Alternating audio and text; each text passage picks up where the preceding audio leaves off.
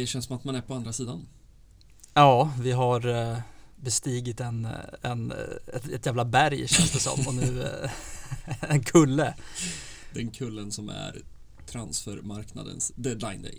Ja, och eh, i all ärlighetens namn så blev det väl en ganska lugn kväll för, eh, för Barcelona den här gången. Faktiskt. Eh, det, det roliga är väl att man eh, det var väl Tony Juan Martí igår som kom med de första uppgifterna där att ja, Barca själva vet inte om de har värvat Julian Araujo eller inte. Nej. Och det verkar väl fortfarande inte riktigt som att man har rätt ut det där. Eh, nej, nej, det ska väl ha varit något så att eh, pappren eller uppgifterna skickades. Man vill ju att det ska vara papper som mm, skickas. Ja, ja. Eh, någonstans där. Över Atlanten. Ja, liksom prick på minuten efter tolvslaget. Ja. Och eh, det blir väl någon form av process när man ska se om allting blir godkänt eller inte. Nej, det känns som det är en och annan juridisk process som pågår i eh, nuläget. Eh, vi ska väl återkomma till det där. Eh, vi ska väl också hälsa välkomna till det som är Meske Podd 71 mm. i ordningen. Bara en sån sak. Men vi ska väl i vanlig ordning försöka hålla någon slags kronologisk ordning i allt detta och börja i matchspåret. Vi sa det här innan vi slog på micken att det känns som ett halvt liv sen vi stod här senast och pratade om Larial-matchen som skulle komma. Ja, aldrig har eh, den här dryga veckan känts eh, så lång. Vi eh, satt ju senaste gången vi hördes och snackade upp vad som skulle bli en fin fotbollsmatch, mm. vilket är allt som oftast är när Barca och Larial möts. Mm. och eh, ja, jag vet inte om den här matchen liksom bjöd på så mycket som man hade tänkt sig men det fanns väl en stor röd anledning till det. Ja men eh, verkligen. Vi pratade väl lite om Bryce Mendes förra veckan också. Och, mm -hmm. ja, han har ju haft en, en fin säsong men den här kvällen blev han ju syndabock. Eh, jag vet ja, inte jag om, det... om, vi ska säga någonting om, om den situationen. Men den, ja, men jag, tycker det, jag tycker att det är bedrövligt att domaren inte tar det liksom, ja, först. Det, alltså, det, det, tänker så ja. Ja men det är helt sjukt liksom. Ja. Först och främst så är det väl ganska tydligt att det är någon form av liksom så här eftersläng att han ger igen för mm. Busquets tackling mm. liksom sekunden innan. Och sen så är det ju, det är ju liksom, det är sträckt ben, det är dobbarna rätt i, i fotleden liksom. Ja, den går väl under kategorin svika sina lagkamrater.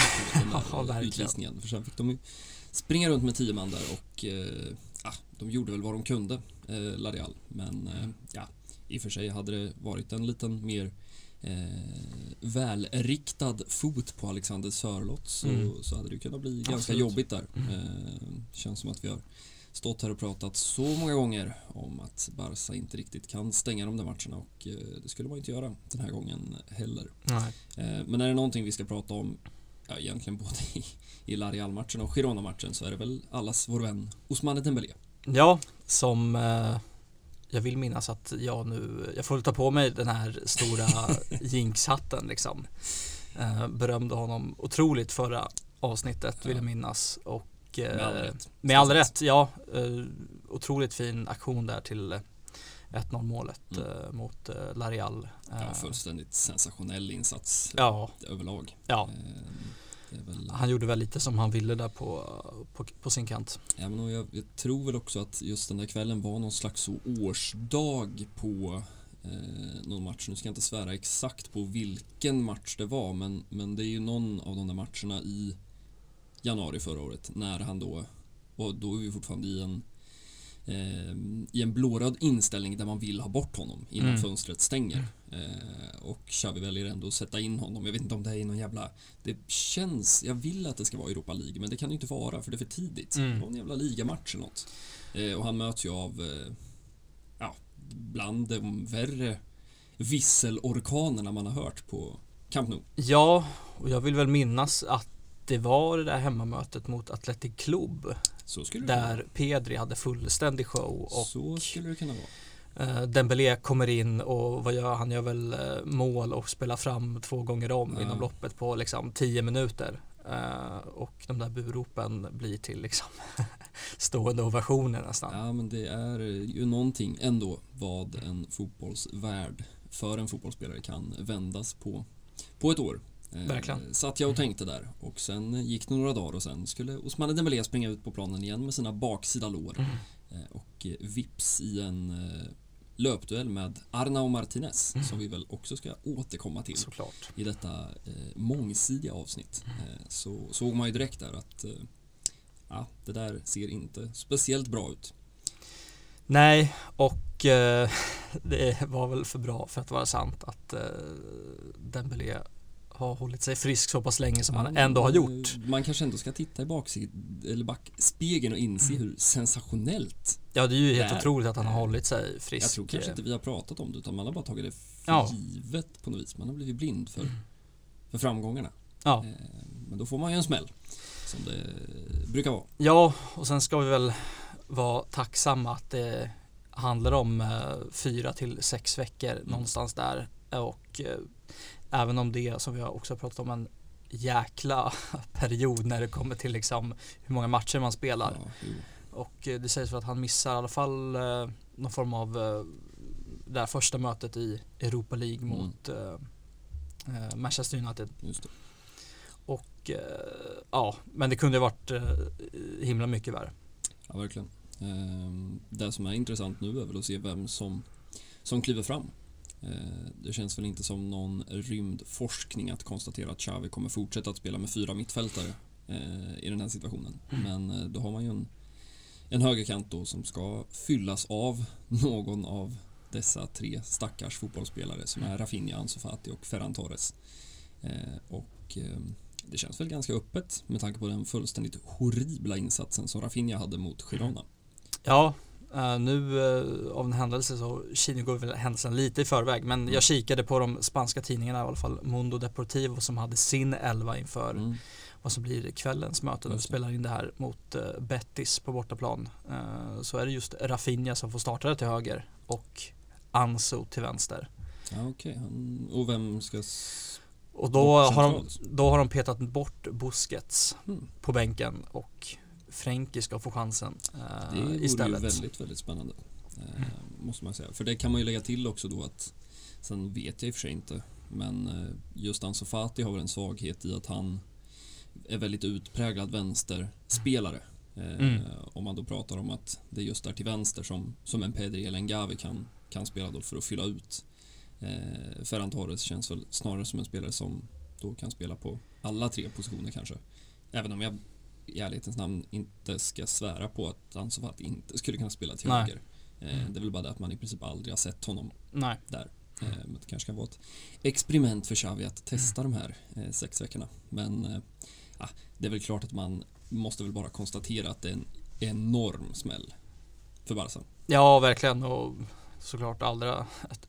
Det är alltid tråkigt för, för spelaren Mm. i fråga, men särskilt nu när formen har varit, han har ju varit bärande liksom Mm. i eh, Robert Lewandowskis frånvaro så, så är ju Dembélé eh, den absolut vassaste offensiva spelaren och Mm. han har ju levererat också. Ja, men när man går tillbaka och tittar de här, ja, framförallt kanske efter nyår då, så jag menar, han har ju i princip varit utslagsgivande varenda match. Eh, det är en mening man inte trodde att man skulle stå här och säga för, för ett år sedan till Nej. eller, eller för i somras, för den delen. Eh, men det är väl också något med den där spelstilen och förmågan, vilket väl blev väldigt, väldigt tydligt mot eh, Girona. Eh, att man inte har en spelare dock som, som då kan slå sin försvarare. Rafinha är väl jag vet inte om det är en självförtroendefråga men det är inte riktigt samma typ av spelare som Osmane Dembélé som är så oerhört direkt på något vis. Nej. Eh, och Ansu Fati efter sin skada är ju inte heller den typen av spelare längre som slår sin, sin försvarare. Och eh, Ferran Torres har väl inte gjort en lyckad aktion efter nyår. Nej. Eh, tänkte jag kosta på mig att, säga. Eh, så att ja, det känns som att Xavi sitter vid vid ritbordet nu och eh, funderar på hur han ska lyckas med allt det här. Det blir väl Angel Alarcon som får kliva in om inte annat. Ja, Det nej men, pratades ju lite om Anthony Elanga igår också. ja, Eh, Jag vet inte. han ska väl ha varit eh, jagad av sådär tio klubbar Ja. snackades väl Ja, om. men ISPN hade, det är Samuel Marston, han Mm. brukar ändå ha koll på grejerna liksom. Eh, Jag kan tänka mig att Elanga fanns på något typ av Ja. ritbord där hos eh, Alemani. Måste väl också bara nämna att Alemani var med i Gigantes där i, igår kväll, alltså Gerard Romeros superprogram där på Twitch och fick frågan om Julian Araujo och ska då inte riktigt känt till den här snubben. Eh, och jag förstod aldrig riktigt huruvida han var ironisk eller om det här var på fullaste allvar. Eh, det var liksom uppgifter som nådde mig med Mm. viss typ av eh, förvirring. Ja, om, jag säger så här, om Alimani inte känner till honom. Ja, då- eh, det- ironi, liksom, eh, eller ironi eller inte. Då, det är ett dåligt tecken. Ja, men då kommer jag inte stå här och eh, ha något dåligt samvete över att jag inte heller har en blekaste aning. Nej, Vem han är, var han kommer ifrån. Eh, var, han spelar väl i LA Galaxy. Galaxy. Eh, har ändå gjort en sån där, alltså över 100 matcher då. Ändå, Ja. och är 21. Eh, Då får man ju så att, direkt någon form av, är det, är det Ricky Push man har slagit, Ja. eh, slagit ett samtal till och kollat, du den här Araujo. Ja, kan det vara något? Eh, ja, nej jag vet inte fan. Vi får väl avvakta helt enkelt. Det är väl inte omöjligt att det händer något den här timmen när vi står och, och spelar in. Eh, det är väl pappersexercis som ska kontrolleras och verifieras. Eh, men vi kanske bara ska, jag vet inte, ska vi säga någonting mer om eh, Larial-matchen? Vi bara flöt ifrån den på en gång. Nej, alltså det är väl eh, ännu en gång eh, så lyckas man hålla den där jävla nollan intakt Mm. liksom. Eh, som du säger, de hade väl gjort sig förtjänt av åtminstone ett mål. Ja. Eh, det hade väl inte varit orättvist och eh, att se den där matchen gå till någon förlängning. Men med tanke på det där röda kortet så svårt att se att det hade kunnat sluta på något annat sätt. Faktiskt. Nej, det är sant. Eh, vi kanske också bara ska nämna att det var ju kanske framförallt då i första halvlek spelmässigt en väldigt, väldigt stark insats. Eh, sen är det väl som vanligt att eh, det ska göras mål också eh, framåt. Men ett, ett steg i rätt riktning kändes det väl som. För att sen då kanske ta ett steg tillbaka istället mot Girona. Vi ska väl bara nämna också att det blir Real Madrid i, i semifinal. Ja, jag får också ta på mig det där och trodde att det hade varit någon form av slutspelsträd Ja. men de, och de lirade ju med någon, eh, ja men någon lottning igen Ja, och Mm. eh, dubbelmöte på det. ja eh, känns inte stekhett att få in det i spelschemat. Eh, jag noterade redan nu att de inte riktigt har förstått hur det där ska gå till. Framförallt klassikerna då med tanke på att ja, dels problematiken i att Real Madrid ska spela Champions League och Barca Europa League. Eh, vilket innebär att du kan inte lägga en match lördag förmiddag till exempel Nej. för Barcas skull och inte heller en match söndag kväll för Reals skull. Eh, och sen ska ju Real också iväg och spela VM för klubblag Mm. någon gång under denna fasansfulla vår. Eh, så att det sitter nog någon schemaläggare i eh, spansk Excel och eh, har lite panik Ja, just nu.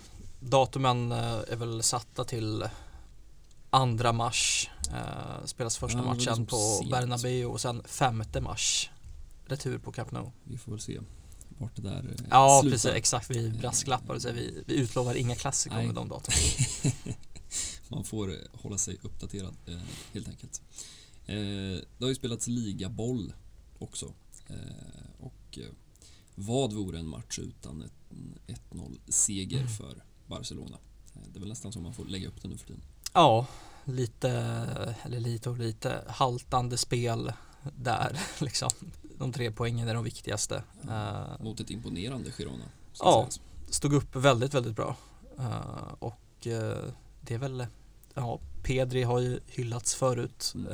Han börjar göra det här till en vana och, och göra mål nu, Mm. vilket känns otroligt. Som ju skulle vilas, ska vi väl också säga. Ja. Det var han som byttes in istället för Dembélé. Precis.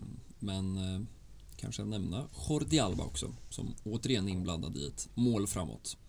Eh, Det känns som att han inte gör så mycket mer eh, den här säsongen än att eh, slå massa assist och i övrigt nöta bänk. Ja, men det där målet, det blir väl inte mer liksom så här Jordi Alba Nej, assist liksom. Det är snabb spelvändning från vänster till höger och det är väl Anso som släpper en eh, snabbt Mm. på ett tillslag ut till Alba som slår liksom ett rakt inspel i mitten. Mm. Förr var det väl Leo Messi som fanns där snett inåt bakåt. Nu är det Pedri som dyker upp. Ja, det är också en brygga eh, till någonting. Eh, nej, men som du säger, det var väl eh, inte, eller knappast en insats att minnas för, för Barca. Eh, men det man kan notera, och det man gärna noterar, det är ju att Real Madrid tappade poäng mot Larial. Ja, Ett imponerande Larial ska ändå sägas. Verkligen. Som spelade ut efter sina resurser, eh, ut efter sitt material, eh, men eh, stod upp bra. mot Väldigt- bra. På Bernabéu. även om deras målvakt stod på huvudet som det också krävs att de gör när man, när man gästar eh, Real och Barca. Eh, Det är ju sällan något av de lagen eh, går mållösa liksom. Nej, och då, då måste man antingen göra ett själv eller spika igen totalt för att få med sig någonting. Och Mm. eh, nej, riktigt pigg insats. Det är ju Kubo är ju svår att, eh, att missa när man, Mm. eh, när man ser Larial. Verkligen. Eh, och ligaledning nu då uppe i fem pinnar. Känns tryggt. Ja, men det, man ska nog inte underskatta de här eh, små rycken man Mm. gör med tanke på att eh, det är ju ett ganska tufft både tidsmässigt och motståndsmässigt spelschema som, som väntar om man tittar på den kommande månaden typ. Eh, vi kanske också ska notera att eh, Barca iklädde sig de här nya Seniera-tröjorna. Mm. Eh, jag vet inte vad vi sätter för modegetingar på den där Oh. utstyrseln. Jag tycker den är svår. Jag tycker också att den är svår. Jag har svårt för det här centrerade ibland. Mm. eh, måste jag säga. Jag tyckte att de som fanns eh, 13-14. De som var helt liksom stripade. Ja, men efter det till Ja, och du med. menar den som var sned? Ja, Ja. som de hade typ två, tre säsonger i Ja, rad det, så det, fanns ju den kvar. Som skulle vara Ja. någon slags, det såg ut som någon slags liksom eh, klo som hade rivit Ja, men li- över. Ja, precis. Ja, nej den gillade man. Jag tyckte att den var vassare än, Ja. eh, än både den som var helt Ja, stripad och eh, för den var helt den var väl, det var väl ränder på ryggen men inte på framsidan. Ja, den det senaste. varit. Och det det köpte jag inte helt. Ja, man gillar ju ändå att man kan ändå ha någon slags signera-kollektion. Ja, de har ju byggt eh, upp- Vid det här laget. De har ju byggt upp eh, liksom eh, stabila 4-5 sådana Ja. kit nu. Samtidigt lite oklart hur mycket man har politiserat det där. Alltså, jag tänker just i så pressutskick och kommunikation och eh, det är inte så att man har aktivt försökt göra politik av det där. Ja men alltså, Eller? man, man, jag noterar alltså i ny släppet nu så är det ju väldigt mycket liksom eh, Kat- Katalonien och- Pride, our colors. Ja kan men lite så liksom, våra färger, Katalonien, Barca. Mm. Så man, man gör ju ändå en, en stark koppling eh, Men jag tänker, skulle man, skulle man ha någon liksom som så här står i den där tröjan och berättar om den där vårdagen 2017 när spansk polis gick in och slog ner allt Ja, som det- rörde sig. det- liksom, jag tänker mer det, eller skulle man göra någon slags här historisk genom, alltså kom till, Camp Nou, kom till museet och Mm. se det här eller det känns ändå som att man håller ett lite armlängds avstånd till det där riktiga eh, den konkreta politiken eller Ja, sen är man väl också snabba med att att använda just de här tröjorna när man Jo. möter Madrid-lagen. Det är ju inte av en slump som Nej, eh, det. Barca har spelat med Senera-tröjorna både på Bernabéu och på Wanda. Mm. Nej, stämmer. Eh, vi får se hur, lite oklart också hur länge den här, vi får se om den, den har lika lång livstid som klotröjan då. Ja, men det är väl det här lite konstiga fjärde kittet som Mm. liksom, eh, den kan man ja, skaka fram lite, lite när som helst liksom. När de får lite feeling. Ja. Det blir fjärde dressen. Lite så. Eh, vi kanske ska säga någonting om Arnau Martinez också. Eh, dels ska vi väl bara konstatera att jag tror att det var Cadena Ser som igår då eh, efter att Xavi då bokstavligen har bekräftat Barcelonas intresse eh, på presskonferenserna både inför och efter. Eh, men nu verkar det som att Atletico ska vinna den där kampen. Eh, det pratas om 20 miljoner euro i något slags litet paket med diverse optioner och klausuler och eh, det får en ju ändå att höja lite på ögonbrynen måste jag säga. Ja, jag blev också väldigt förvånad när jag såg att eh, det lät väl mer eller mindre som en klar affär. Mm. Att, och då är väl eh, grejen att Atleti har ja, pungat upp mer pengar liksom i en klump som de kan betala här och nu än Mm. vad jag misstänker att Barca är eh, både villiga och eh, kapabla till att göra. Ja men av förståeliga skäl ja. ändå. Nej men just, vi har ju pratat om, om Martinez förut men, men just att han har ett La Masia förflutet och eh, med tanke på, nu ska vi inte branda Girona som en Barcelona-klubb, det är ju Mm. faktiskt ett par mil upp där eh, nordöst. Men eh, det är ingen hemlighet att den där flytten till Barcelona är ju, eller ligger ju betydligt närmare till hands än att flytta ett antal mil västerut in i den spanska centralmakten eh, och Atletico Madrid. Eh, vi ska väl bara nämna också gårdagens stora transferbomb att Matt Doherty är klar för Atletico Madrid säsongen ut. Och eh, vilket ju också då kanske är ett tecken på att man gör en kortsiktig lösning fram till sommaren. Och då så ansluter Arnau. Eh, och jag vet inte riktigt vad Barcelona tänker kring den där högerbacksplatsen. Eh, nu gick ju Pedro Porro till Tottenham och eh, ja, jag skulle inte förvåna mig om det är Benjamin Pavard som står där i sommar. Ja, det är väl det som det viskas om. Han ska väl ha varit beredd att både gå nu i januari, Mm. men det går ju inte på grund av ekonomin. Men också vara villig att vänta ut till, till sommaren. Mm. Han, Han är ju framförallt iskall nu då med tanke på att man har plockat in Joao Cancelo ja verkligen, och eh, sitter väl på ett kontrakt som går ut 2024. Ja, Eh, det, ja, och det har ju skärt sig totalt med eh, Julian Nagelsmann där. Och eh, ja, varför inte en mångsidig eh, ytterback som både kan spela i mitten och, och på kanten. Men eh, frågan man ställer sig är ju, är det där ett, en spelare som, som kan vara högerback i en galaelva? Eh, och svaret kanske är att det kommer inte finnas en högerback som är det för att man kommer att varva Koundé och Araujo när det väl brinner till. Mm. Eh, det är väl inte en omöjlig lösning i och för sig, vilket kanske snarare eh, också på ett sätt talar för Pavard i och med att han, precis som Marcos Alonso då, faktiskt både kan spela som du säger högerback och mittback. Bevisligen. Ja, vi ska väl återkomma till mer av det som var och eh, ja, man brukar ju inte bli av med de där transferryktena ändå oavsett om själva fönstret har Nej, eh, stängt. Men för att avsluta den kronologiska delen och matchdelen så ska vi väl eh, nämna några ord om både Real Betis och Sevilla-matcherna som ju stundar. Real Betis redan i afton då i ligaspelet. Ja, och det känns ju det känns alltid så himla nervöst att åka till Benito Villamarin. Ja, Men det brukar ju också på något sätt alltid gå bra till slut. ja men faktiskt.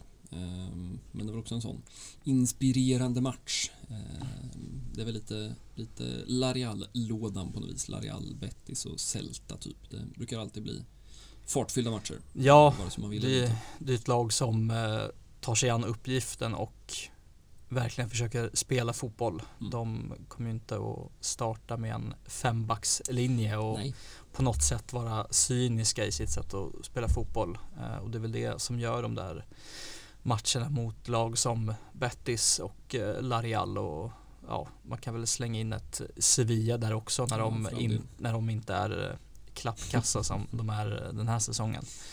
Eh, Så är det ja, men de typerna av matcherna som man verkligen ser fram emot.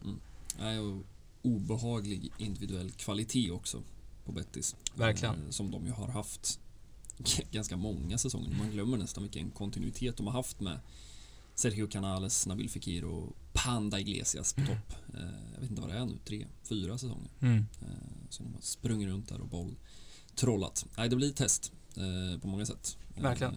Ska man säga något blårött så noterar vi att Robert Lewandowski är tillbaka även i ligaspel eh, och att då, ja vi får väl se. Det lutar väl mot att det blir Rafinha där ute till, till höger. Ja. Det känns väl som det mest troliga. Jag väljer väl att lägga mina ägg i den där uh, Mundo Deportivo-korgen. Ja, Eh, nej, jag är nog mer fundersam i så fall om, om Ansu Fati då faktiskt får starta, vilket det vore väldigt, väldigt spännande att se. mm, mm. Ehm, Jag kan tycka att det har varit lite tufft att bedöma honom utifrån eh, någon slags roll som ensam spets. Jag är ganska spänd på att se, eller det hade varit kul att se eh, honom ett par matcher i den där vänsterpositionen med Robert Lewandowski Ja, på planen. det är väl det också jag känner är någon form av nyckel att det finns en spelare som kan eh, som kan ta det där ansvaret i mitten och stångas med, med liksom två Bettis försvarare Mm. och som fortfarande är liksom så pass skicklig att han klarar av kombinationsspelet Mm. och,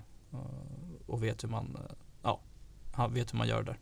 Ja, vi får se. Det blir spännande. Eh, jag vet inte om man ska förvänta sig en, en gala backlinje där nere eller om eh, Xavi ska välja någon av 25 olika vänsterbackar. Ja, det är väl, eh, det var ju mycket snack om det i alla fall inför den här Girona-matchen med att det, det är en massa spelare som sitter på de här fyra gula Mm, korten. det. Uh, och Araujo är väl en av dem. Mm. Uh, så det blir väldigt spännande att se ifall han, uh, som du säger, Sevilla väntar ju i ligamatchen. Ja, frågan är när, efter. när det är dags att ta det där gula. Ja, Eh, det är väl inte omöjligt att ja, Sevilla hemma, ett lag som inte alls ser så bra ut just nu.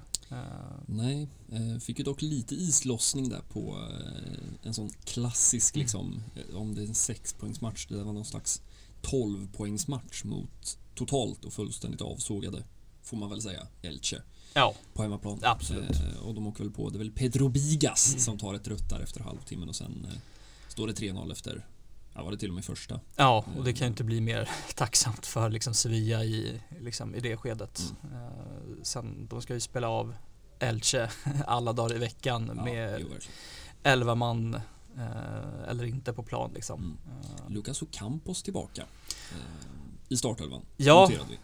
det kanske har liksom flugit många förbi men drog väl till Ajax Mm. på någon form av eh, lån. Mm. Som, eh, och där blev det ju inte alls som det var tänkt. Nej, Eh, ledningen ska ju ha brutit det där. Så det var ju tänkt som en, en transfer då Ja. från början. Ganska saftig sån tror jag. Liksom ändå 20-25 miljoner euro. Men där ledningen då i slutändan ska ha dragit i handbromsen och sagt att nej men vi pröjsar 7 miljoner euro för Mm. ett lån istället. Och det har väl gått käpprätt åt helvete. Han har väl inte spelat en match från start i princip. Nej, Eh, och, det är väl eh, inte så mycket som inte har gått åt helvete i Ajax under hösten. Nej, jag tänkte ju det. De Eh. har ju kickat gamle Alfred Schreuder. Ja. Eh, som Mm. jag direkt började tänka på hur i helskotta landade han det jävla jobbet Nej, det efter att ha varit liksom assister, assisterande till Koman i liksom ett Barca som Nej, det är fascinerande. Det är lite kul när man tänker på, nu hinner väl inte, eller han väl aldrig Koman då, eh, eller det gjorde han ju inte, men han ska ju basa över landslaget igen. Eh, Jag menar, hade man Schreuder fått sitta säsongen ut som man väl ändå kanske trodde väldigt länge, eh, ja, då hade ju den där duon basat över liksom de två mäktigaste fotbollsinstitutionerna i holländsk Mm. fotboll. Eh, Jag vet inte vad, vad det säger om vad riktigt. Eh, Man kan Nej. väl bara konstatera att man är glad att de inte är kvar i blårött. Ja det kan man Eh, Om jag ska vara lite fräck. Ja, men det, jag, jag tror att det kan bli ganska eh, en utmaning, Sevilla. Ehm, Ja definitivt om man fortsätter att spela som man har gjort de senaste matcherna. Vi konstaterade tre raka 1-0 segrar Eh, och vi var ju inne på det att eh, på hemmaplan så har det ju inte alls sett eh, så bra ut spelmässigt. nej, om man kanske ska bara ägna någon minut för att binda ihop eller avsluta matchdelen av dagens podd i att eh, ändå kanske diskutera det här. Jag tror vi pratade lite om det förra veckan också, men det blir väl aktuellt med tanke på att det är två nya eh, ja, inga Hollywood-segrar direkt, men hur länge man kan hålla den här typen av jag vet inte vad man ska kalla det, men marginaler säger vissa och andra säger väl XG eh, på sin sida. Alltså kan man, kommer det att fungera en hel vår? Eh, noterade ju någon smart twittrare där, jag vet inte om den där, den här ikonen Pedrito Numeros som jag har suttit i 15 år och bara tryckt ut hur många mål i rad Diago Aspas har gjort på ojämna onsdagar. Typ. Mm. Eh, men som då hade räknat på eh, någon slags poängsnitt hittills eh, som Xavis Barca har plockat in och håller man den här trenden då, vilket man väl kanske då eller kanske, men i störst, med största sannolikhet inte kommer göra.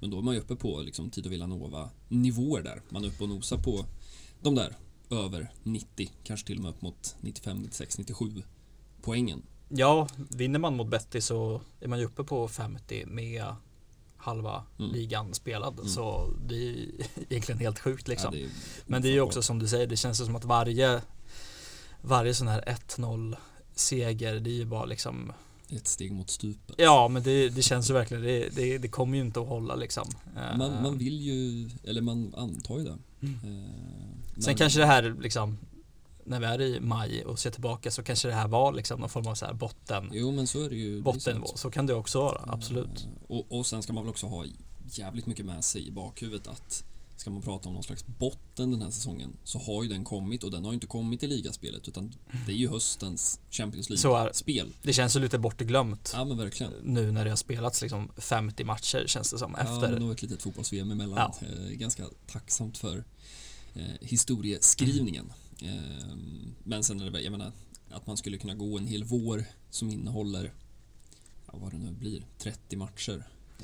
Ja, det är åtminstone 19 ligaomgångar och så plussar vi på liksom, ja, säg att det blir, att det blir minst två Copa del Rey-matcher och Mm. Europaspel på det. så. Så, Och så två matcher i Supercupen som är Ja. avklarade också. Så att, eh, nej, men jag menar, skulle man kunna gå 30 matcher utan en, någon typ av svacka Nej, det gör man ju inte. Men Nej. Mm. det är väl som du säger, kanske är det här svackan. Eh, och då är det klart, då kommer det bli en jävligt rolig vår på många sätt. Mm. Eh, men som vi också har sagt många gånger förr så har man ju sett många gånger förr att det, man kommer ganska långt på att ha en, en spelare som gör 30 ligamål och en målvakt som räddar väldigt Mm. mycket bollar. Och eh, det råkar ju vara så att båda de typerna av snubbar finns ju faktiskt i, i den här truppen. ja, Eh, samtidigt som det ändå finns någon form av fungerande mittfält Mm. eh, för Ja, tillfället. Eh, nej, vi får väl, eh, vi kanske står här om en vecka och sen har man två 0-3 eh, torskar mot de där Sevilla-lagen. Mm. Eh, men nej, det tåls ju att eh, funderas på. Eh, det har ju inte, jag vet inte hur många mål man har gjort framåt, men, men det är ju inte, där är man ju inte uppe på Pep eh, eller Tito Villanova nivåer direkt till Lucho för den delen också. Nej, man har ju smått osannolika raden 37 mål framåt, 6 mål bakåt, vilket är helt galet efter 19 matcher liksom. Jag vet inte, är det Atletico som har något rekord där från så? Ja, de har ju alltid legat, Simeones eh, absolut. prime times. Ehm, De kunde väl släppa in så här 10 mål kändes det på en hel säsong ja, liksom. det var annat än när man skulle leda en backlinje med Stefan Mm. Savic. Ehm, Mm. Fick man det sagt också. Eh, vi kanske ska stänga med eh, Ja, vi ska inte lova att vi inte dimper ner här något mer i den andra delen av dagens podd. Men eh, det kanske ändå är dags att gå vidare och prata lite Javier Tebas, Gavi, Joan Laporta och eh, spansk eh, fars. Ja, för det är väl det som i ärlighetens namn har varit liksom det mest intressanta att följa de här senaste dagarna som eh, har varit och som har liksom föranlett eh, deadline day. Ja, och det som egentligen blev den stora nyheten på deadline day också. Eh, om vi nu ska våga påstå att Gavis, ja det är ju, Ja, men det finns vi- inne i systemet Ja. eh, på La Ligas hemsida. Det har vi noterat. Ja, och de har skickat ut eh, liksom eh, klippen, Mm. sociala medier med, med nummer sex på ryggen. Jag vill väl se honom i sexan i, i kväll. Ja, Eh, det är väl ett första tecken på någonting. Eh, men jag vet inte hur djupt vi ska gå i själva eh, konflikten. Eh, men vi kan väl bara kort säga att Gavi förlängde ju, eller Barcelona kommunicerade att det här avtalet var klart, alla parter var nöjda i september. mm. Eh, och det nya kontraktet ska väl då gälla till sommaren 2026.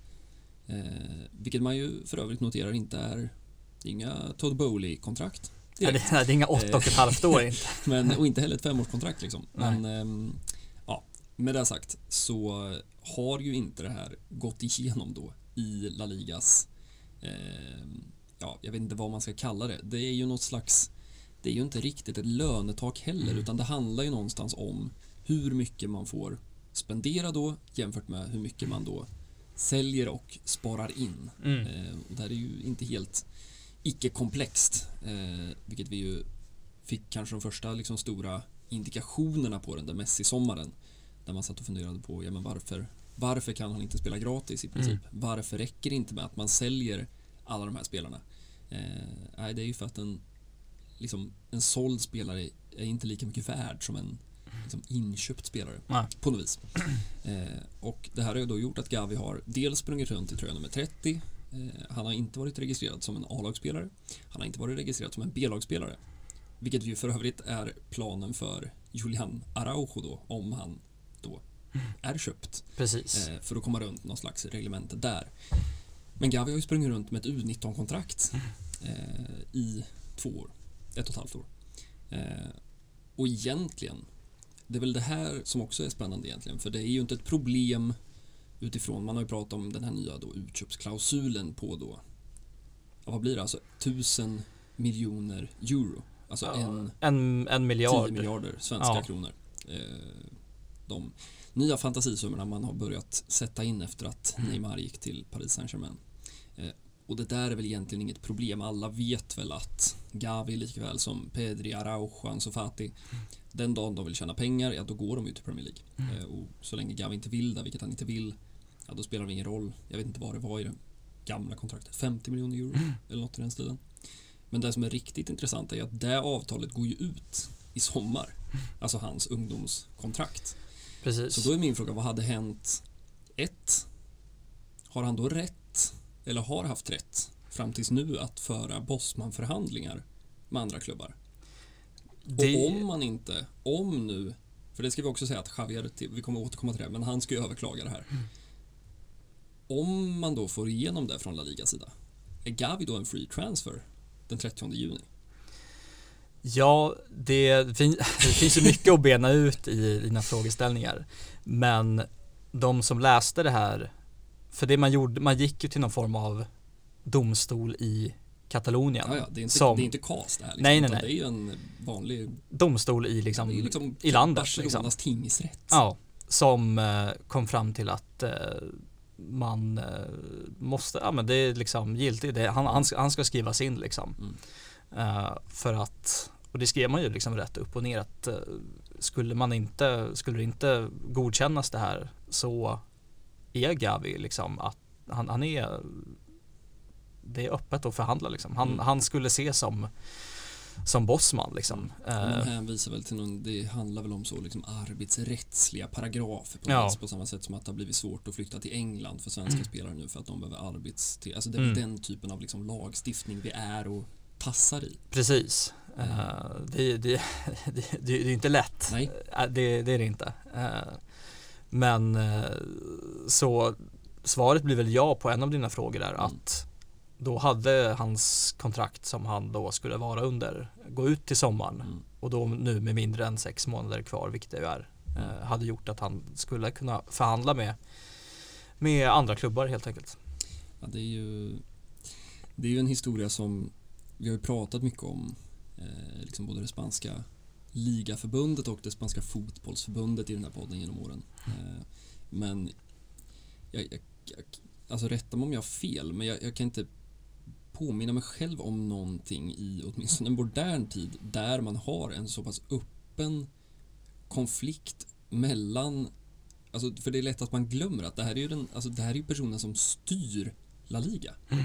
Alltså Javier Tebas är ju Spaniens mäktigaste fotbollsperson ur den synvinkeln. Mm. Som då öppet Ja, det, och jag vet liksom hur, man kan ju vända och vrida på allting. Men man ska väl också ha med sig, bara för att vi står här och pratar nu ofta ur ett blårött perspektiv. Eh, Real Madrid går ju så pass bra och Real Madrid har inte haft Bartomeu. Så de har ju inte riktigt samma problem, uppenbarligen. Eh, sen har ju både Barca och Real enorma bankskulder. Och det där kanske man borde prata en timme om någon annan gång, hur det spanska systemet fungerar. Men det är väl också viktigt att ta in i beräkningen att det handlar inte bara om Barcelona och Real Madrid. Alltså om man tittar på Real Betis i somras så kunde ju inte de, alltså varför gick Hector Bellerin till Barcelona? Mm. Vad, han, vad, vad tänkte han? Varför och gick han inte dit? Nej men de kunde ju inte. Nej. Nej, han hade ju gärna satt på sig den liksom grönvita Ja. tröjan liksom. Villarreal kunde inte registrera spelare i somras. Sevilla gick ju in i ligaspelet precis som Barcelona gjorde med Visst var det Jules Koundé som missade Mm. Ja, en eller ett par matcher där. Sevilla hade ju liknande problem eh, med ett par spelare där i somras. Eh, och ytterligare någon bottenklubb var det ju också, jag vet, som, som liksom hade en 6-7 lirare. Eh, de hade liksom samma situation som Barcelona, någon stackars Laporta-kopia Mm. där i, typ så. Inte Alaves, för de spelar väl i Segunda nu, men, men mm, Säg typ Cadiz liksom. Ja men något i den stilen eh, som väl också hade de där problemen att säga, ja fan gubbar vi vet inte riktigt vilka av er som kan spela på lördag. Eh, så att det är ju en hel liga som, eller vars klubbar har enorma problem. Och sen kan man ju fundera på, ja är det för att de här klubbarna har varit misskötta och att, de, att man behöver en Tebas? Alltså behöver Barcelona en Tebas som då drar åt snaran Ja, för att det ska funka? Alltså man skulle kunna se det ur det perspektivet också. absolut. Men samtidigt så är det så här, ja, är det där det handlar om det? Nej, det känns ju, som du säger att, eh, att en ligapresident, om vi kan kalla honom det, Mm. liksom gör det så jävla svårt för, ja, om vi pratar om Barca då, så Mm. liksom kanske ja, en av två i alla fall, liksom största dragplåstren till, Mm. till La Liga liksom. Mm. Det, man har ju svårt att tänka sig att någon i liksom Premier League skulle liksom peka på City och säga nej ni får inte värva in Haaland och liksom ni får inte lägga de här pengarna på Julian Alvarez och, och allt vad det är liksom. Mm. Eh, och liksom på något sätt stoppa dem. Så men det är någonting Ja, det är för mig som, som inte heller riktigt lirar boll i det att så här, det är Laporta som sitter vid rodret. Det är inte så att Gavi skriver på och får liksom fem mil i veckan. Alltså det är liksom inga stora pengar och det är ett spelarkontrakt Mm. nu vi pratar om. Det är inte liksom 50 miljoner euro på Lewandowski. Eh, det, det, är liksom, det är någonting som inte riktigt... när man väntar väl på någon form av liksom något jävla El Confidential avslöjande Ja. liksom. Ja, det är ju otroligt att, att det inte har kommit för så här har han ju hållit på rätt länge liksom. Ja, man tänker liksom ändå, men, men det, det ska man väl inte, man ska inte peka ut specifika spanska medier, men det är ju ingen hemlighet att vissa av dem i ganska stor grad styrs eller åtminstone påverkas av klubbarna. Eh, Nej, vilket, absolut, vilket gör att man funderar i nästa steg då, ja men hur mycket, hur goda känningar, hur många mellanhänder har Tebas från sitt kontor i Madrid Ja, ja men till, så till tidningarna Ja, men det där- redaktörer. Alltså, det där, det där tycker jag det är ju väl ganska, ganska öppet i Spanien att det är liksom Det är Barcelona-baserat liksom Mm. Mundo, Deportivo och Sport och Mm. i Madrid så är det Marca och liksom AS som Mm. är de två stora och Det är klart att de eh, De får ju information som de gärna trycker ut liksom. Ja. Nej, så att man... eh, Ja, nej, det, det är ju liksom... Jag, ibland så undrar jag hur, hur andra tänker utifrån. En annan är så van och man har liksom haft Tebas i bakhuvudet i fem år. Eh, Men det måste ju framstå som fascinerande Ja, utifrån eh, verkligen. att följa. Och det lär väl inte vara sista gången vi pratar om Tebas. Nej, vi kanske inte. står här om två veckor och, och Gavi får inte ha nummer sex på ryggen. Han, Ja, han får inte vara en A-lagsspelare längre liksom. Det är ju... Nej, för att han, han uttryckte sig ju något i stil med att liksom... Han bekräftade ju ändå att så, ja, ja, ja men vi, vi har släppt igenom det nu, men vi kommer att överklaga. Eh, och eh, bara det att en, en klubb och en ligaorganisation då går upp i rätten om ett spelarkontrakt. Återigen, alltså det är inte Rafinhas värvning, det är inte Robert Lewandowski, utan man vill ju då registrera Gavi. Eh, och det pratas ju om att man kommer stöta på samma problem med Marcos Alonso. Mm. Där har man också det här problemet att det kontraktet löper också ut i sommar. Ja, och framförallt en, en, en Araujo som Mm. man också Ja men verkligen. eh, Det är ju det allt, det är det deadline det har handlat om för Barca. Mm. Det var liksom var väl rätt tydligt, det kom ju fler och fler rapporter under dagen igår att ja, det kommer inte bli någon värvning liksom. Nej.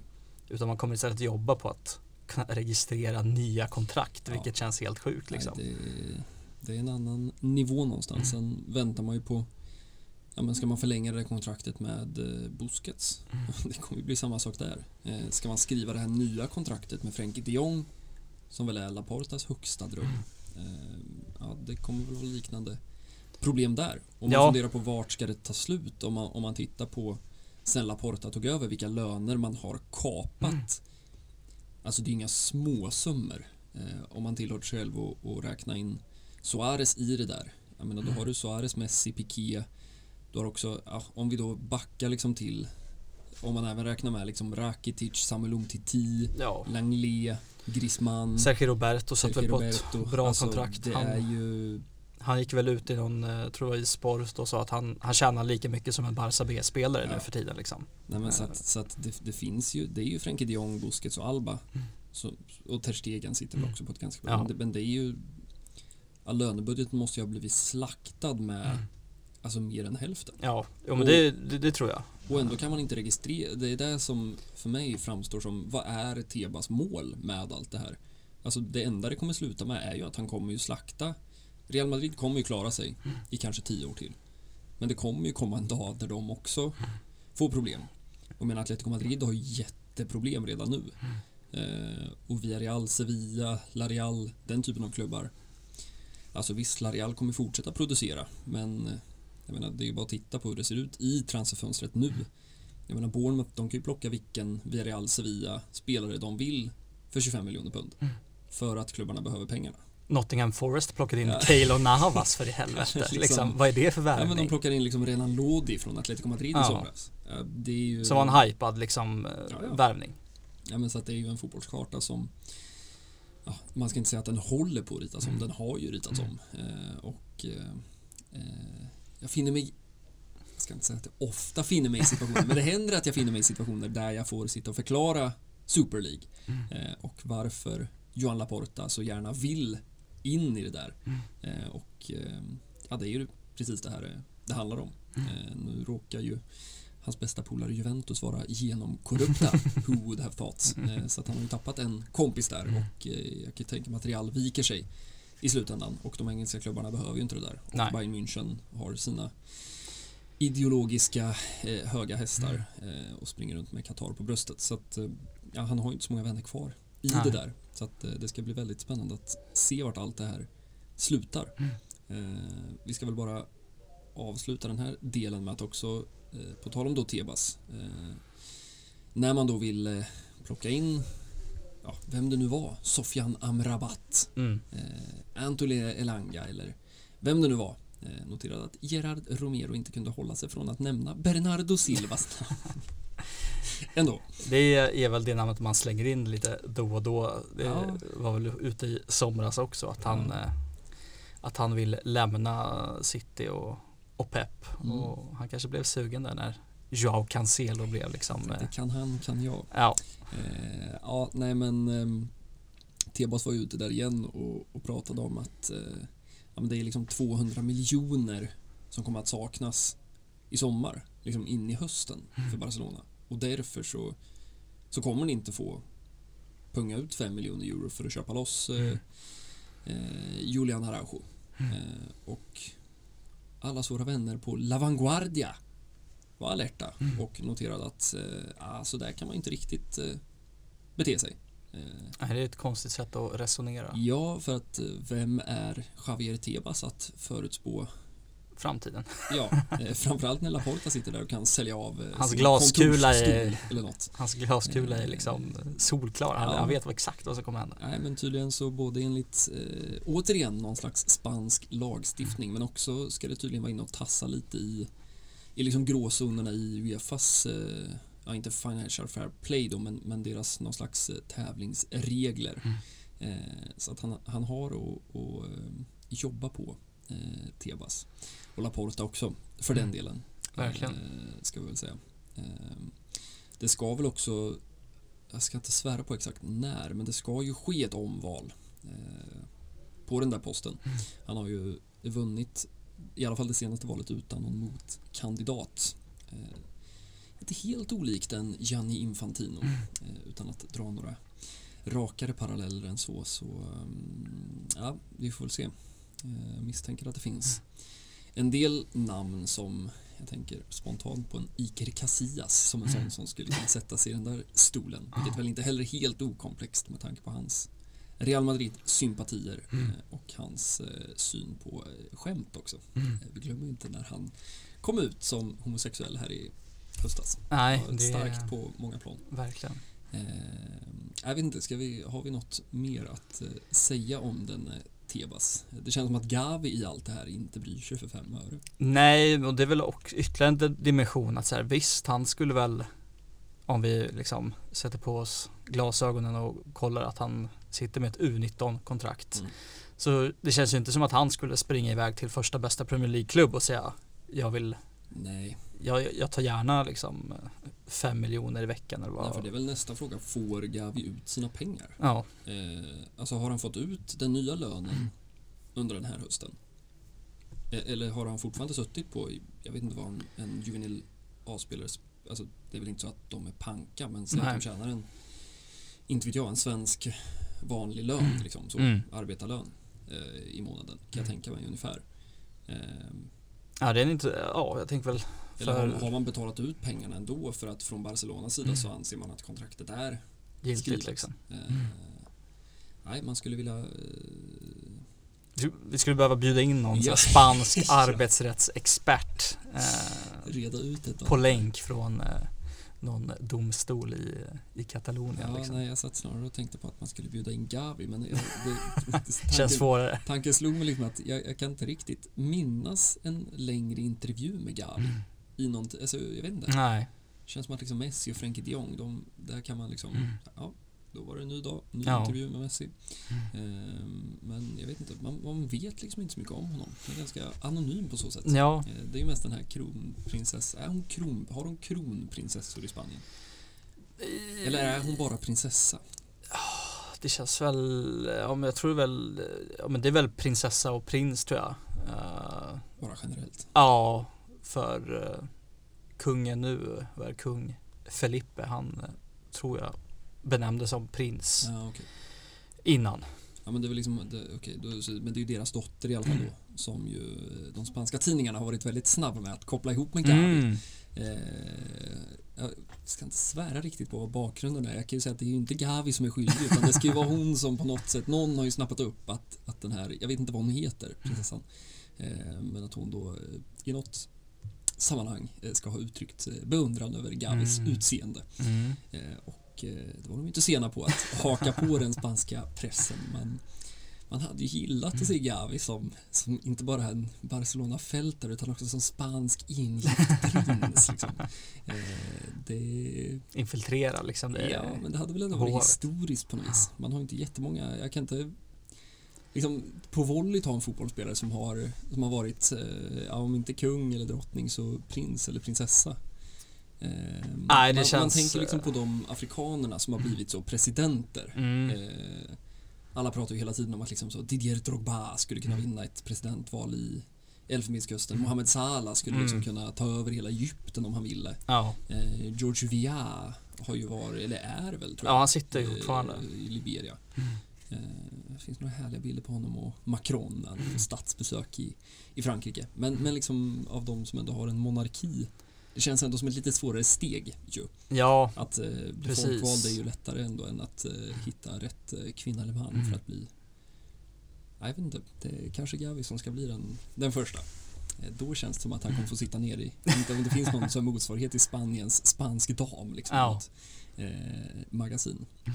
Nej, det hade haft något.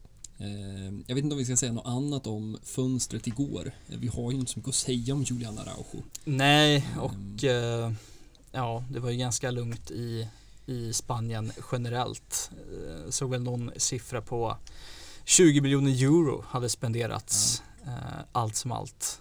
Medan Premier League låg väl på, eh, vad kan, 750 eller något, Ja. varav Chelsea har väl hälften typ. ja, Så att, så det har ju inte hänt jättemycket eh, på den inhemska marknaden. Jag vill notera att Gustavo Maia lämnade Barça B eh, som Bartomeu betalade 4,5 miljoner euro för. Just. Eh, för vad det nu är, en, två somrar sedan tror jag. Eh, och Mr Demir också.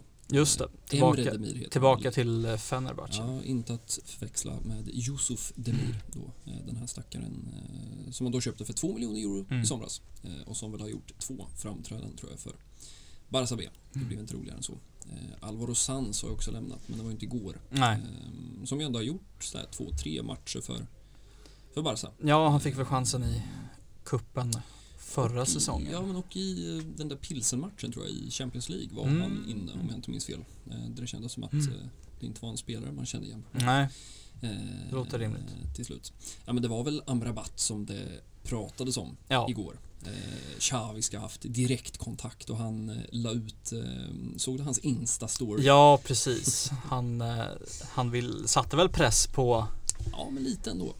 Fiorentina-ledningen. Ja, sen är man väl obotlig optimist om man då som spelare som VM-succé tänker sig att en italiensk klubb släpper iväg en på lån utan köpoption Ja, efter den succén. ja, det känns ju Det kändes ju rätt liksom dött innan för man, man visste ju att man har i princip inga pengar alls att lägga eh, och då är listan på spelare den är väldigt väldigt kort och Xavi var väl ute också och sa att ska det komma in någon så ska det vara en spelare som, som gör skillnad liksom. Det, det är inte nummer 24 på, på kvisten som, Mm. ska, som ska komma in där utan det är en, en spelare, ja, 12-13 som verkligen kan göra upp om en plats i den där startelvan. Ja, jag vet inte hur eh, hur hett det kändes med Amrabat heller.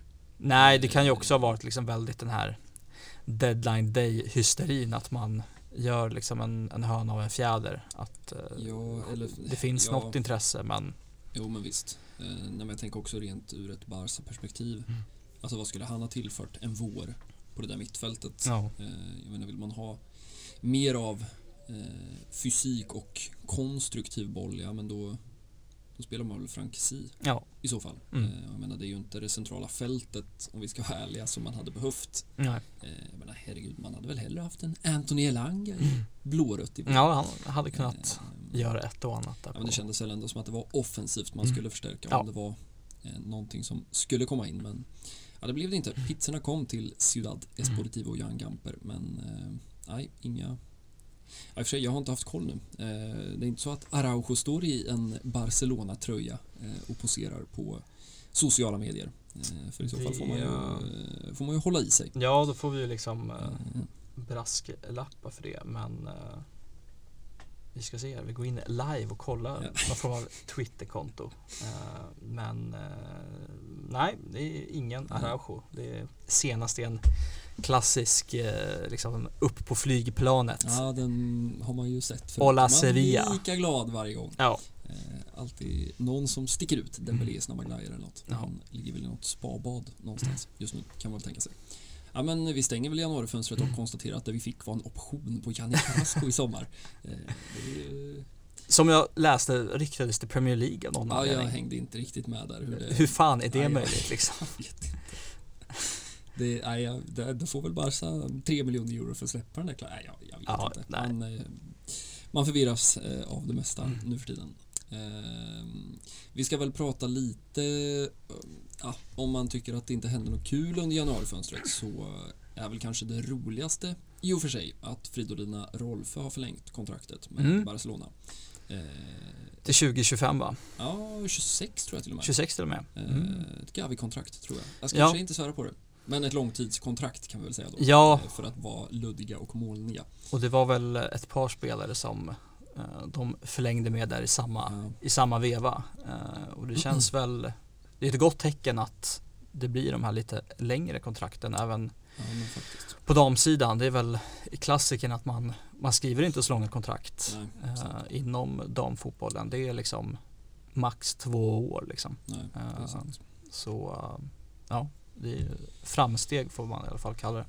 Ja, men också ett eh, ganska tydligt tecken då. Jag menar, hon är inte, hon är inte purung Nej, längre. På så Nej, det är en att, spelare eh, i sin eh, prime liksom. Ja, men och, och verkligen då eh, dedikerar sina bästa fotbollsår till Barcelona. Mm. Eh, det är ju Ja, man är ju färgad som blågul såklart, men Mm. eh, det är väl både en bra, bra nyhet utifrån blågult och Mm. blårött Verkligen. perspektiv.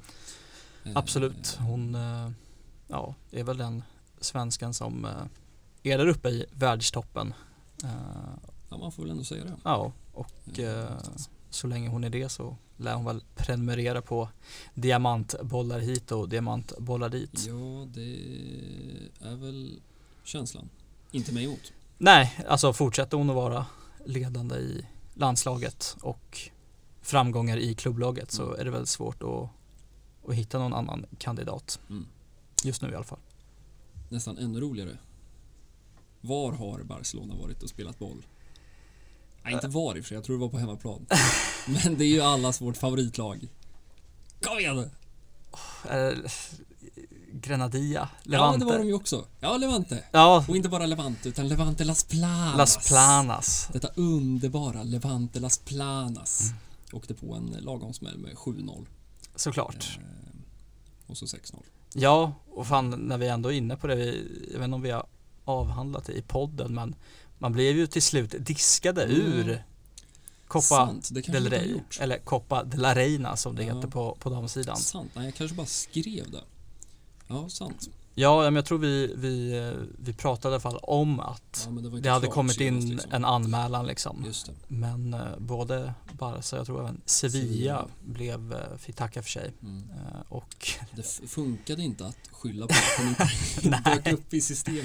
Nej, Det är precis. konstigt det där. Ja, Ehm, och det är väl, eh, ja, det är väl fair, fair play liksom. Det, Ja, det är väl svårt att argumentera emot. det är väl, man gjorde väl en klassisk eh, Real Madrid och Cheryshev som Ja. eh, han, han blev väl utvisad typ säsongen innan när han spelade i Valencia. Mm. Ja, Och då ska han ju liksom inte som- spela Nej, en till match i kuppen förrän han har avtjänat eh, den matchen. Och det var väl samma sak här att eh, Geise heter hon väl, Mm. eh, spelade i någon Madrid CFF. De är, har väl Mm. två, tre Madrid-klubbar där. Ja. Eh, Likt Levante Las Ja. Planas-stuket. och blev då utvisad förra säsongen.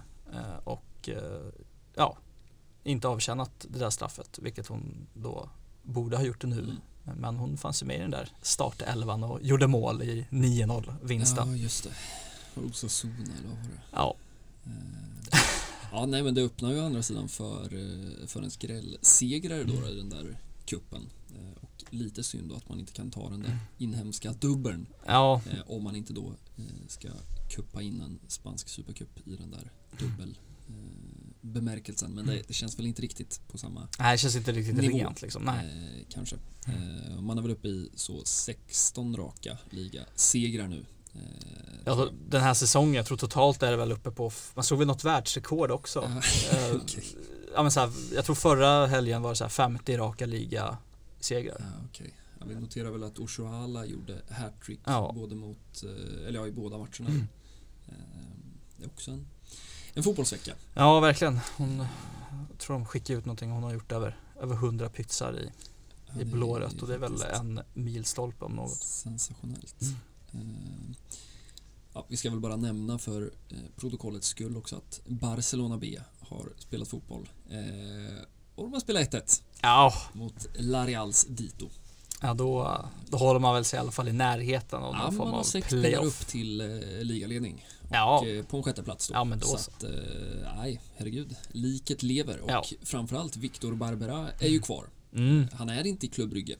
Eh, så det ska nog bli några pytsar där i, i vår och så får vi se vad Alemani och Laporta kan göra där på förhandlingsbordet. Vi Ja. noterar att Ferhan Kutgla också faktiskt blev kvar i klubbrygge. Mm. Eh, vi pratar väl om den där trestegsraketen det skulle innebära. Mm. Eh, men nej, någonting har skitit sig på, på vägen. ja, men det känns väl ändå rimligt att han är kvar i Brygge som eh, Tufft att gå och konkurrera med Chiro Immobile. Ja, och sen ska väl de spela Champions det är fan League sant. slutspel för typ första sant. gången eh, på jäkla länge liksom. Vilka har de?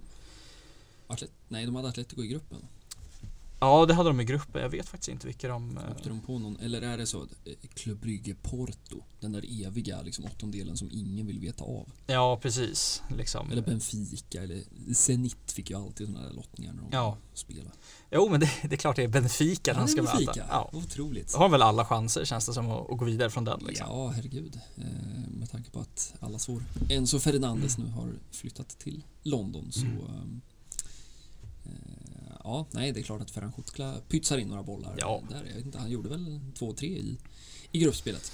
Ändå. Ja, han var väl mm, liksom Bärande. Ja, verkligen. Det var väl, utan honom hade de nog inte tagit sig vidare med det han eh, producerade. Alla vägar börjar i Barcelona B. Mm. Eh, vi ska väl bara, bara för att jag ska få säga o- namnet Pelayo Fernandes, eh, målskytt eh, i helgens match. Eh, ganska obskyr mittback som väl inte kommer att eh, göra några A-lagsmatcher. Men eh, skam den som ger sig. Ja. Eh, En shoutout i Mescon-podd ja, är, det är ju alltid något. så gott som något. Mm. Eh, jag eh, bara noterade också om Dani Alves. Återigen, La Vanguardia som har gjort det viktiga journalistiska arbetet den här veckan, uppenbarligen. Ja, men vad gör då spansk press? Och det här är väl ändå någon slags så dagstid, alltså det här är ju inte en inriktad sport. Nej, nej precis. Det är väl någon form av så här Eh, DN, Ja, men typ. samhällsjournalistik liksom. Eh, kanske lite mer eh, åt eh, kvällspresshåll ändå. Eh, men som vi uppenbarligen då gör starka journalistiska insatser. För de har ju varit på häktet i Barcelona och pratat med en rad källor och hittat den lilla godbiten att eh, Dani Alves då tydligen delar avdelning med en annan brasse vid namn Coutinho. Nej. Inte den Coutinho. Hade ändå varit rimligt om han hade tagit sitt straff för det största rånet i fotbollshistorien. Ehm, Ja, men det, har väl, det har väl pumpats ut hur många vinklar såklart av Ja, den spanska pressen har Av ju det där. fiesta där nere och det kan man väl också bara ta 15 sekunder och eh, problematisera delvis för att det är Ja. inte enbart en fars eh, det här utan Nej, verkligen, alltså. som eh, ehm, Ja, vi får väl se vad, vad det juridiska säger men eh, Ja, det handlar ju om sexuella ofredanden och eh, ja, även våldtäkt är väl Ja. eh, brottsrubriceringen. Eh, inte- Spar, Sparet hade liksom, de hade någon artikel där de hade sett hans, tagit reda på hans inköpslista.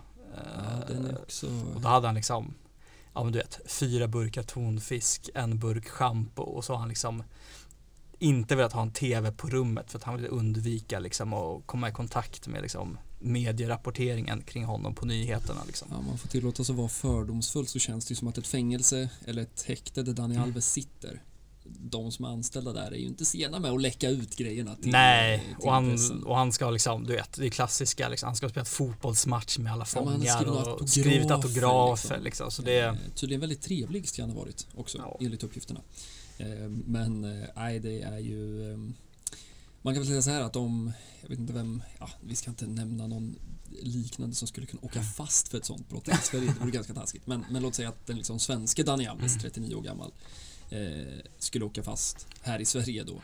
Eh, så ja, det är ju, det, nyhetsrapporteringen hade ju inte varit nej det hade ju sett annorlunda ut. Det får man ju säga. det kändes liksom lite för ja, livet är en fars och vi är en del av den. Mm. Och en del av den där farsen är ju att Dani Alves nu sitter i ett häkte där nere i Barcelona Mm. med Coutinho. Mm. Ehm, Obs, inte. nej, den det ska vi Coutinho. vara tydliga med. Han eh, sitter väl Det var slängt ut där, Coutinho.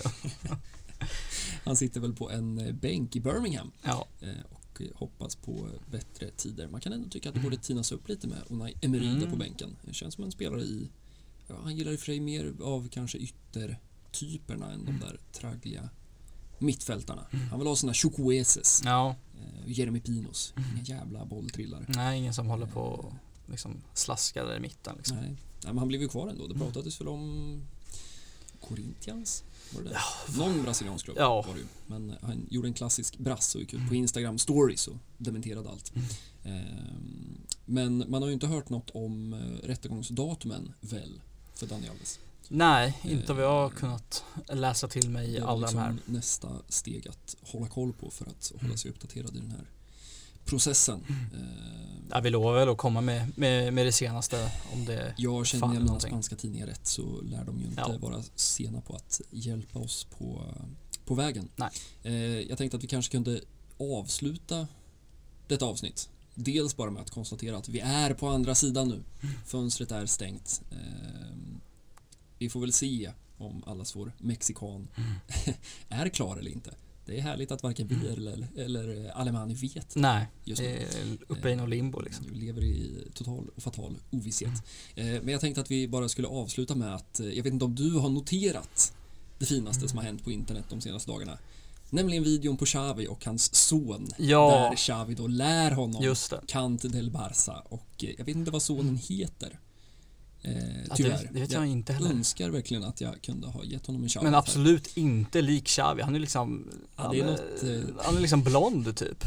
Det känns riktigt mysko.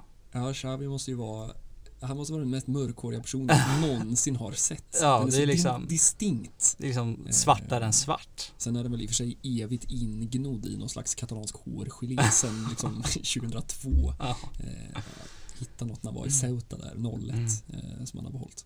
Eh, nej men han, eh, ja det var ändå, det gjorde något med mig. Det är Eh, ju gulligt. mycket kan man säga om Xavi, men eh, ja, en son som blir en, eh, en Barcelona-supporter. Eh, det lär vi få. Det, lär Det är så få. de ska tas. det kan vi ju garantera. Eh, jag klipper in det här Mm. och eh, så säger vi på återseende om eh, ja, antingen ungefär eller drygt en vecka. Det gör vi. Ciao! Ciao!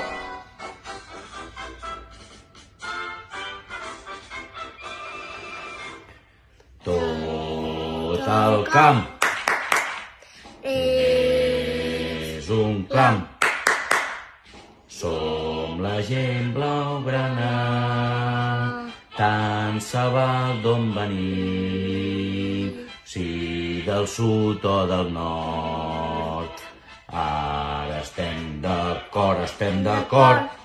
Una bandera ens agermana, blau, gran al bé. Un crit valent. Ara, tenim Una alça i tothom. Barça! Barça! Barça! Barça! Barça!